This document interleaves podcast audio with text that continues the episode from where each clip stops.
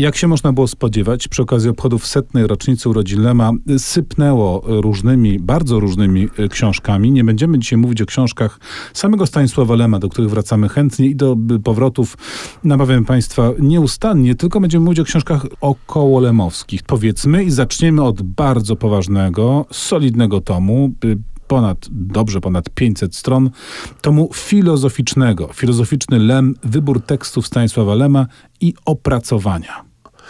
I tak, wybór tekstów jest oczywiście rzeczą istotną, bo dla tych z Państwa, którzy nie mają na to czasu, e, nie mają czasu przeczytać e, całego Lema, żeby się do filozoficznych wątków dokopać, a e, mieliby Państwo taką ochotę, to tu rzeczywiście są zgromadzone te najistotniejsze, no albo przynajmniej... Bo powiedzmy szczerze, że filozofia przypadku, czy suma technologii, no to, to są lektury wymagające hmm, cierpliwości i chyba jednak przygotowania. Tak, tak. W każdym razie tu zgromadzone są jedne z najważniejszych. E, nie wszystkie, bo wszystkie będą zgromadzone jeszcze w tomie drugim, który w przyszłym roku pewnie się ukaże.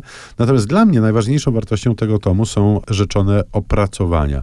Jakub Gomułka i Filip Kobiela są redaktorami merytorycznymi, naukowymi tego e, tomu. Zaprosili młodych przede wszystkim filozofów, którzy mm, na Lemie już swoje młode zęby zdarli. E, no i są tu bardzo bardzo ciekawe e, rzeczy. Tekst otwierający dotyczy mm, rzeczy tak kluczowej, jak trwałości naszej świadomości. Innymi słowy, zmartwychwstania i tego, co może się stać z nami e, e, po śmierci, albo tego, co jest teoretycznie możliwe, ale na przykład w fenomenalnym tekście Jowita Guja bierze na warsztat prozy gatunkowe Lema, a konkretnie kryminały, żeby porozmawiać o jego epistemologicznych poglądach na świat i o tym, jak jak on postrzegał granice ludzkiego e, poznania, a postrzegał je używając do tego płaszczyku powieści e, kryminalnej, co świetnie mu się udało. I myślę, że to jest bardzo dużą wartością e, tej książki, która też jest żywym dowodem na to, że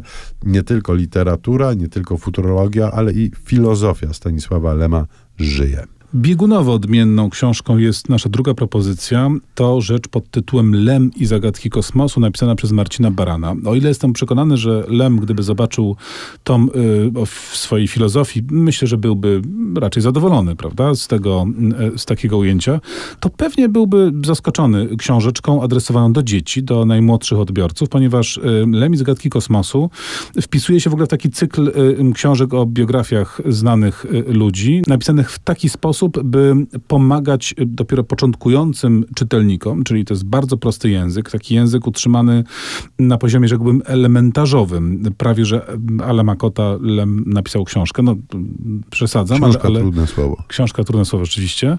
Jest to zatem opowieść, która zaczyna się od kosmosu, od w ogóle powstawania kosmosu i w wyniku tego kosmosu, jego kształtowania się powstał Stanisław Lem. Marcin Baran, no oczywiście niezmiernie syntetycznie, no bo trudno, żeby było inaczej, opowiada tę, tę biografię bardzo złożoną Stanisława Lema, pokazując go jako nie tylko bardzo ważnego autora, ale także ciekawego człowieka, jeśli chodzi o jego, o jego, o jego losy.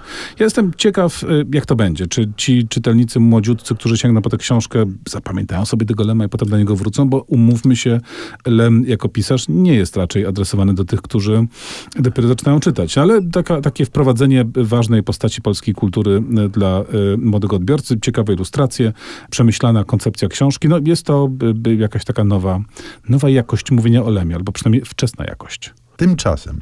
Zróbmy przerwę e, i odpłyńmy trochę w przestworza e, kosmiczne e, dzięki muzyce Stevena Price'a z filmu Grawitacja.